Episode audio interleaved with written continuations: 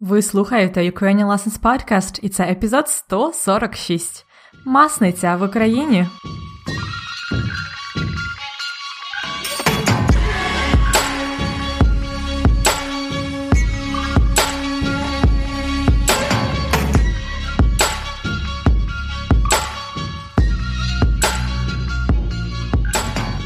Привіт-привіт! Це Анна, і ви слухаєте подкаст Уроки української. Подкаст для всіх, хто вивчає і любить українську мову. Це четвертий сезон для високого рівня української.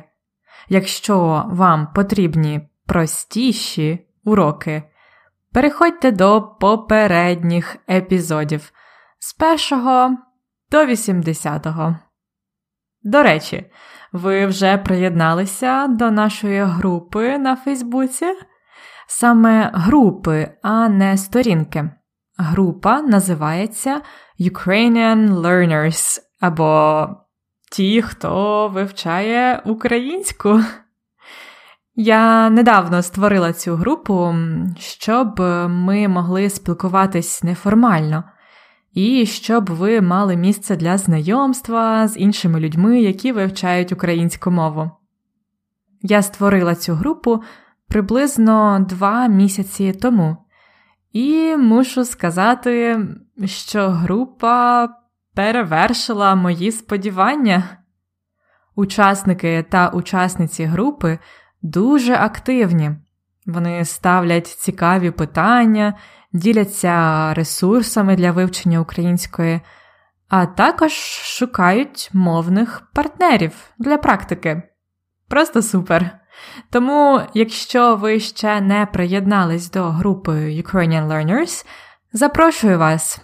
На лютий 2020 року там є вже 400 учасників. Щоб перейти до групи, можете ввести посилання ukrainianlessons.com, риска, FB, як Facebook, group англійською, ukrainianlessons.com slash fbgroup. А сьогодні пропоную вам епізод про одну давню традицію.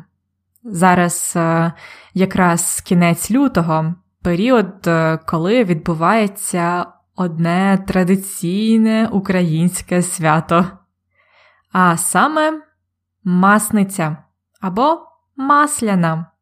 Чули про таке свято? Можливо, брали участь в Україні у святкуванні? Якщо чесно, там, де я виросла, ми не дуже святкували масницю. Але я нещодавно дізналася багато цікавого про цю українську традицію, і тому сьогодні хочу з вами поділитися. Готові слухати?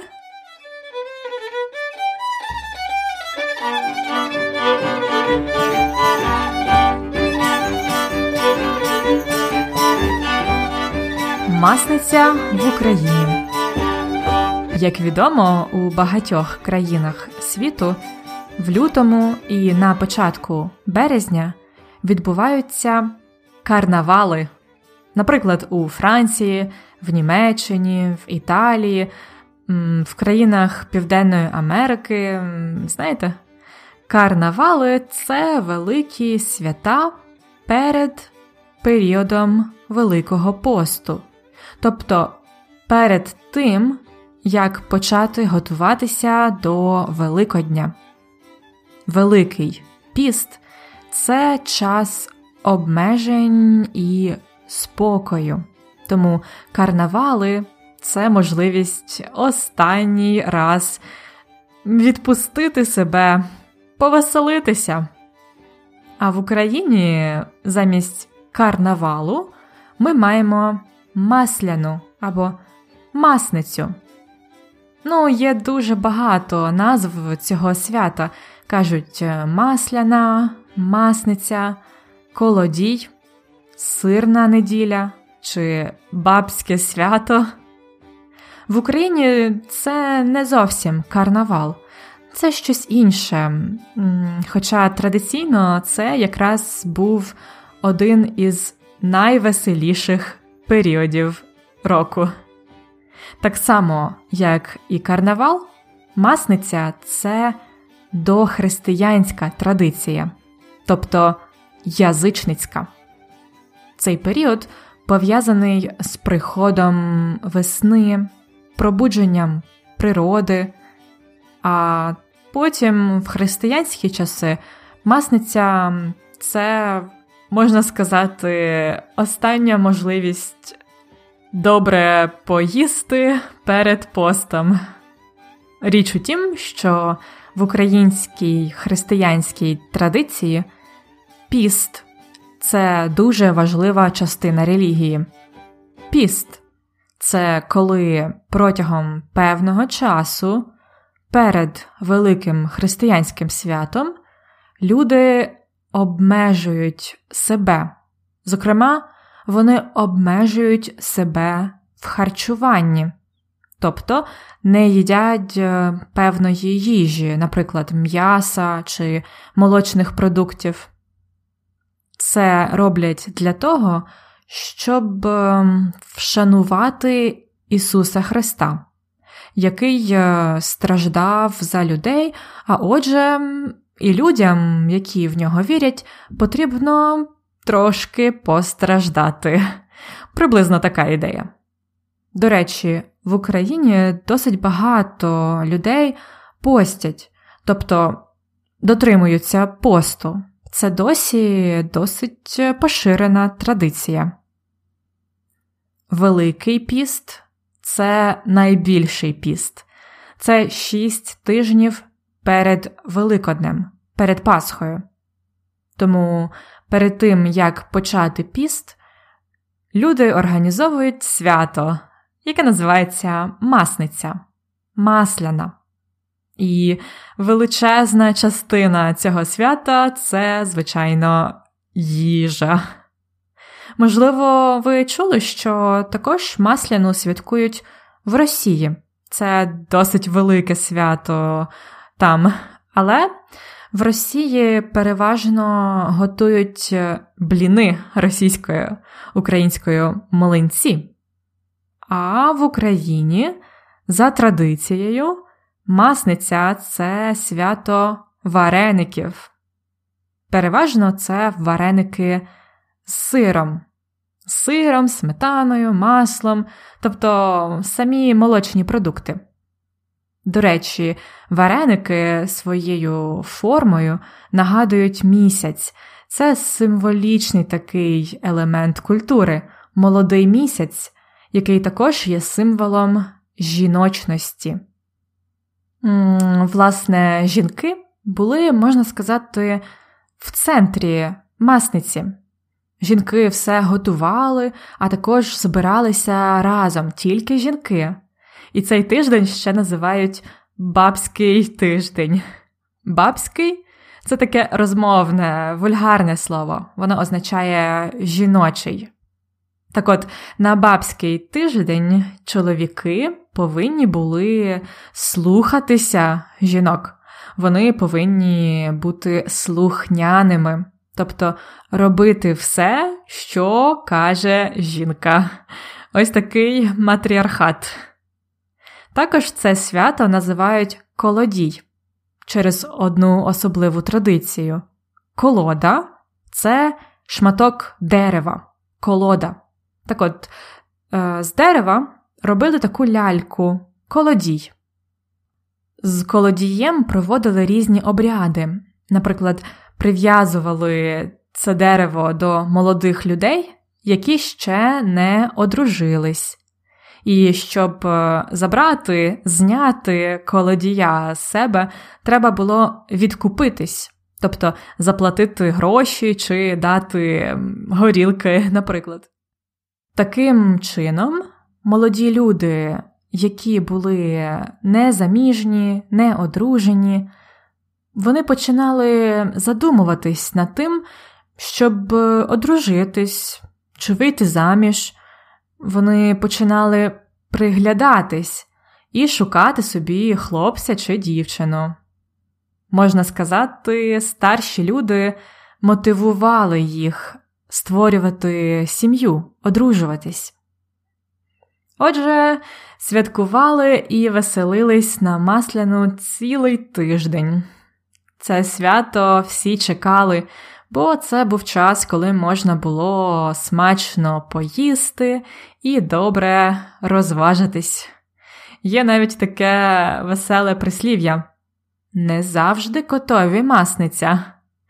Тобто, мабуть, котам це свято також подобалось, бо на масницю було багато молочних продуктів, а коти люблять молочко, так? Але не завжди котові масниця. Тобто масляна триває всього тиждень, а далі наступає піст, більш ем, сумні буденні часи. Не завжди котові масляна.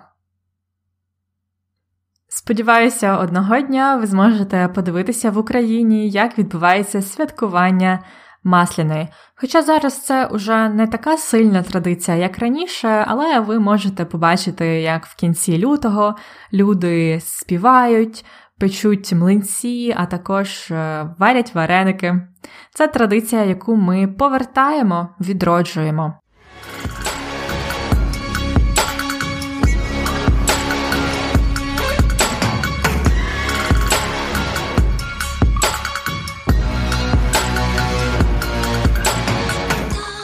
А зараз розглянемо деякі ідіоми, фрази, які я вживала в розповіді.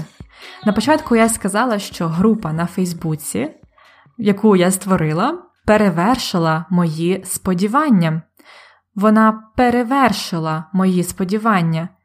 Перевершити сподівання це коли ми очікуємо, що буде гарний результат, але результат навіть кращий, ніж ми очікували результат ще кращий, ніж ми сподівались. Він перевершив сподівання.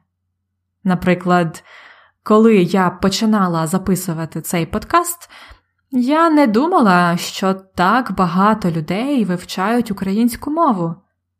Кількість слухачів подкасту перевершила мої сподівання. Перевершити сподівання. Далі, на початку своєї розповіді, я казала, що, як відомо, у багатьох країнах світу е, в лютому відбуваються карнавали. Як відомо, це вираз, який е, часто використовують, коли розповідають про щось, може в якійсь лекції, наприклад. Тобто, як відомо, це ми знаємо, що, або всі знають, що, або просто як відомо, як відомо, багато українців е, живуть за кордоном. Як відомо. Коли я казала про Великий піст, я говорила, що це час обмежень і спокою, а карнавали це можливість відпустити себе, повеселитися. Відпустити себе. Відпустити це е, зробити вільним. Так? А якщо ми робимо себе вільними, то ми забуваємо про все на світі, так? ми не обмежуємо себе. Часто це коли люди якраз розважаються, танцюють, вони відпускають себе. Деякі люди відпускають себе, коли танцюють, наприклад, в клубі, так? Вони забувають про все на світі. Пам'ятаєте цей вираз з одного з попередніх епізодів? Це те саме забути про все на світі або відпустити себе. Відпусти себе також означає розслабся, відпусти себе, відпустити себе. Отже, якщо на масляну люди відпускають себе, то в піст перед Великоднем люди обмежують себе, особливо в харчуванні, вони обмежують себе, тобто встановлюють собі обмеження або ліміти.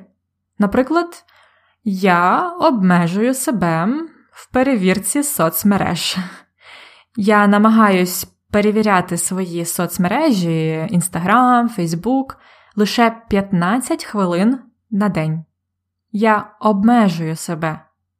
Бо інакше у мене просто не буде часу, щоб записувати цей подкаст. Я обмежую себе. Далі на масницю люди, які не одружені, не заміжні, починали приглядатись і шукати собі хлопця чи дівчину, приглядатись чи придивлятись. Буквально це дієслово означає дивитись на щось уважно, так, розглядати. Але також приглядатись чи придивлятись означає задумуватись про щось, починати щось вибирати. Часто, коли ми щось купуємо, але ще не так серйозно, ми придивляємось або приглядаємось. Наприклад, ем, я думаю про те, щоб купити квартиру. Але поки що я тільки придивляюсь, я приглядаюсь. Тобто я заходжу на сайти, де є квартири, дивлюсь квартири, але це ще не серйозно, тому я тільки приглядаюсь, я тільки придивляюсь. Так само і хлопці та дівчата. На масляну вони придивляються, починають вибирати собі пару, хлопця чи дівчину. Придивлятись, приглядатись. Це синоніми. І останнє це прислів'я не завжди котові масляна, або не завжди коту масниця. Тобто життя не завжди таке солодке, приємне і гарне. Бувають хороші дні, бувають погані дні. Життя буває веселе, а буває сумне. І так буває і в житті кота, і в житті людини, так? Не завжди коту масниця.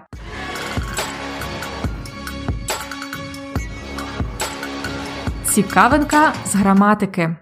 Сьогодні хочу нагадати вам, як вживати сполучник щоб. Щоб використовуємо щоб передати мету. Щоб використовуємо, щоб передати мету. Мета. Наприклад, щоб перейти до нашої групи на Фейсбуці, введіть посилання. Тут щоб вживаємо з інфінітивом. Щоб перейти. Або щоб краще розуміти українську мову, слухайте цей подкаст.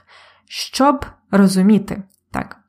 А крім щоб, можемо вживати також е, синоніми аби, аби розуміти українську мову, або для того, щоб це три слова. Для того, щоб це така довга версія щоб. Наприклад, люди постять, щоб вшанувати Ісуса Христа. Люди постять, аби вшанувати Ісуса Христа. Люди постять для того, щоб вшанувати Ісуса Христа. Отже, тут вживаємо щоб з інфінітивом щоб плюс інфінітив. Але якщо ми хочемо сказати речення з підметом, тобто з суб'єктом, з тим, хто виконує дію, вживаємо щоб плюс підмет плюс минулий час. Наприклад, я створила групу на Фейсбуці, щоб ми могли спілкуватись неформально, щоб ми могли минулий час спілкуватись неформально. Я створила групу на Фейсбуці, щоб ми могли спілкуватись неформально і щоб ви мали місце для знайомств з іншими людьми. Щоб плюс підмет плюс минулий час. Рекомендую вам також завантажити конспект уроку, щоб ви могли прочитати повний текст епізоду і зробити вправи для практики.